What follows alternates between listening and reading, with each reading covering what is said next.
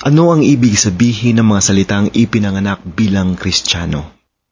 Nasa aklat ng Juan Kabanata 3 talata 1 hanggang 21 ang pinakataniyag ng mga talata sa Biblia na sumasagot sa tanong na ito.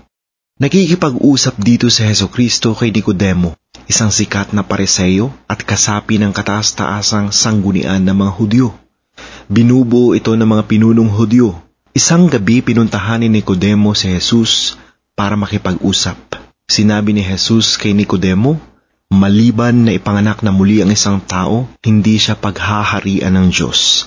Tinanong naman ni Nicodemo, paano po maipanganak na muli ang isang tao kung matanda na siya? Makakapasok pa ba siya sa tiyan ng kanyang ina para ipanganak muli?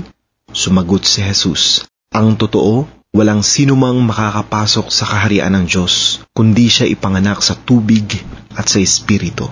Ang ipinanganak sa laman ay laman, at ang ipinanganak sa Espiritu ay Espiritu. Kaya huwag kang magtaka sa sinabi ko sa iyo na lahat ay kailangang ipanganak na muli. Juan Kabanata 3, talata 3 hanggang 7. Ang mga salitang Ipinanganak na muli ay literal na nangangahulugang ipinanganak mula sa itaas.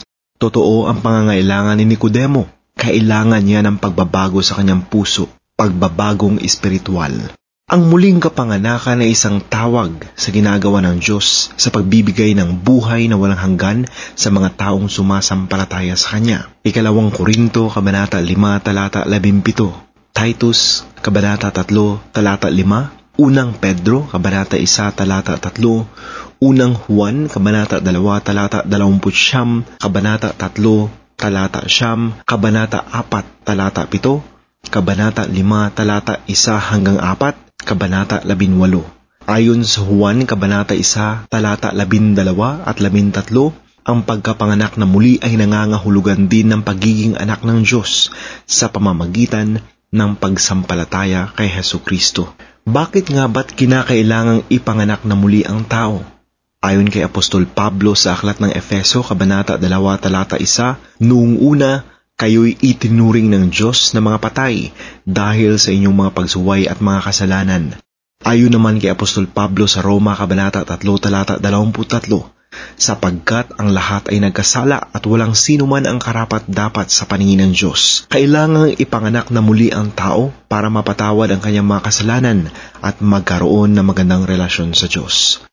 Paano natin makakamit ang muling kapanganakan? Sinasabi sa aklat ng Efeso, Kabanata 2, Talata 8 hanggang Siyam, Dahil sa biyaya ng Diyos, kayo'y naligtas nang kayo'y sumampalataya kay Kristo Ito'y kaloob sa inyo ng Diyos, hindi dahil sa inyo. Hindi ito nakasalalay sa mabubuti ninyong gawa upang walang maipagmalaki ang sinuman. Kapag ang isang tao ay naligtas, ipinanganak na muli at nagkaroon ng espiritual na pagbabago, anak na siya ng Diyos.